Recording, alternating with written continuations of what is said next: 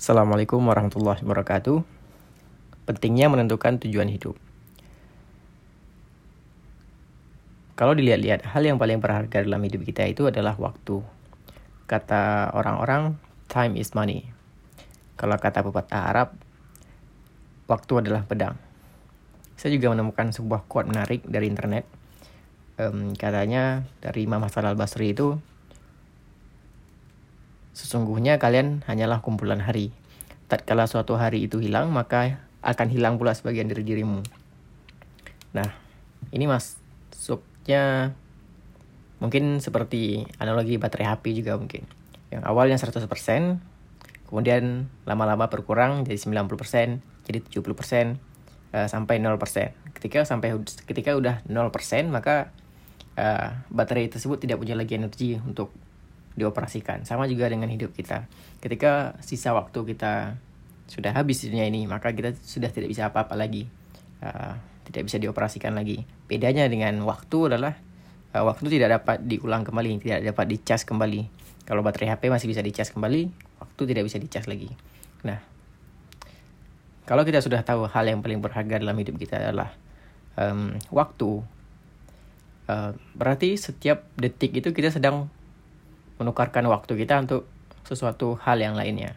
Kita sedang berdagang setiap detiknya. Contohnya itu teman-teman um, sedang menggunakan detik-detik teman-teman ini, waktu-waktu yang teman-teman miliki ini, hal yang paling berharga dalam hidup teman-teman untuk mendengarkan podcast ini misalnya.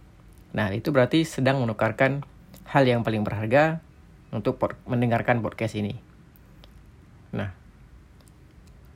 waktu itu tidak dapat diulang kembali penting bagi kita untuk mengetahui uh, hal yang paling berharga dalam hidup kita ini mau ditukarkan dengan apa.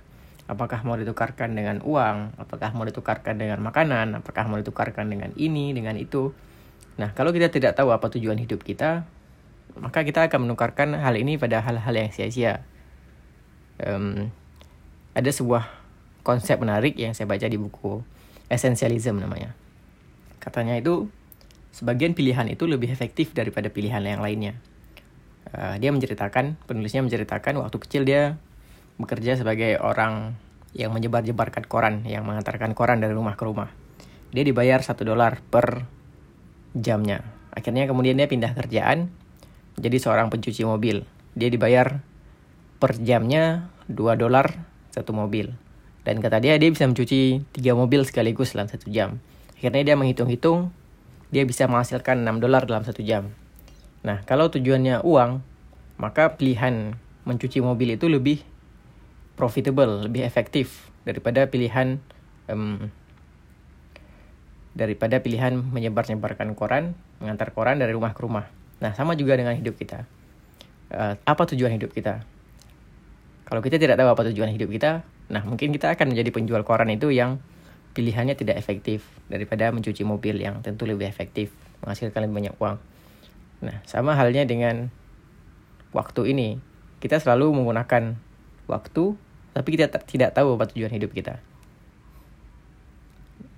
Nah, tujuan itu, tujuan hidup itu sendiri itu ada macam-macam levelnya. Ada yang di level singkat, ada yang di level medium misalnya, jangka pendek, dan jangka menengah, ada jangka panjang. Atau bahkan ada orang yang nge-set level sampai jangka-jangka akhirat.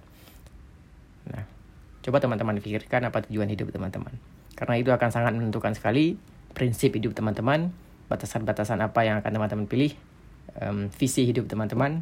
Nah, sama saja itu dengan tujuan hidup. Nah, itu akan menentukan sekali bagaimana behavior kita uh, di masa ini dan di masa depan. Dan itu juga akan menentukan cara kita berpikir. Itu sangat menentukan segala-galanya. Assalamualaikum warahmatullahi wabarakatuh.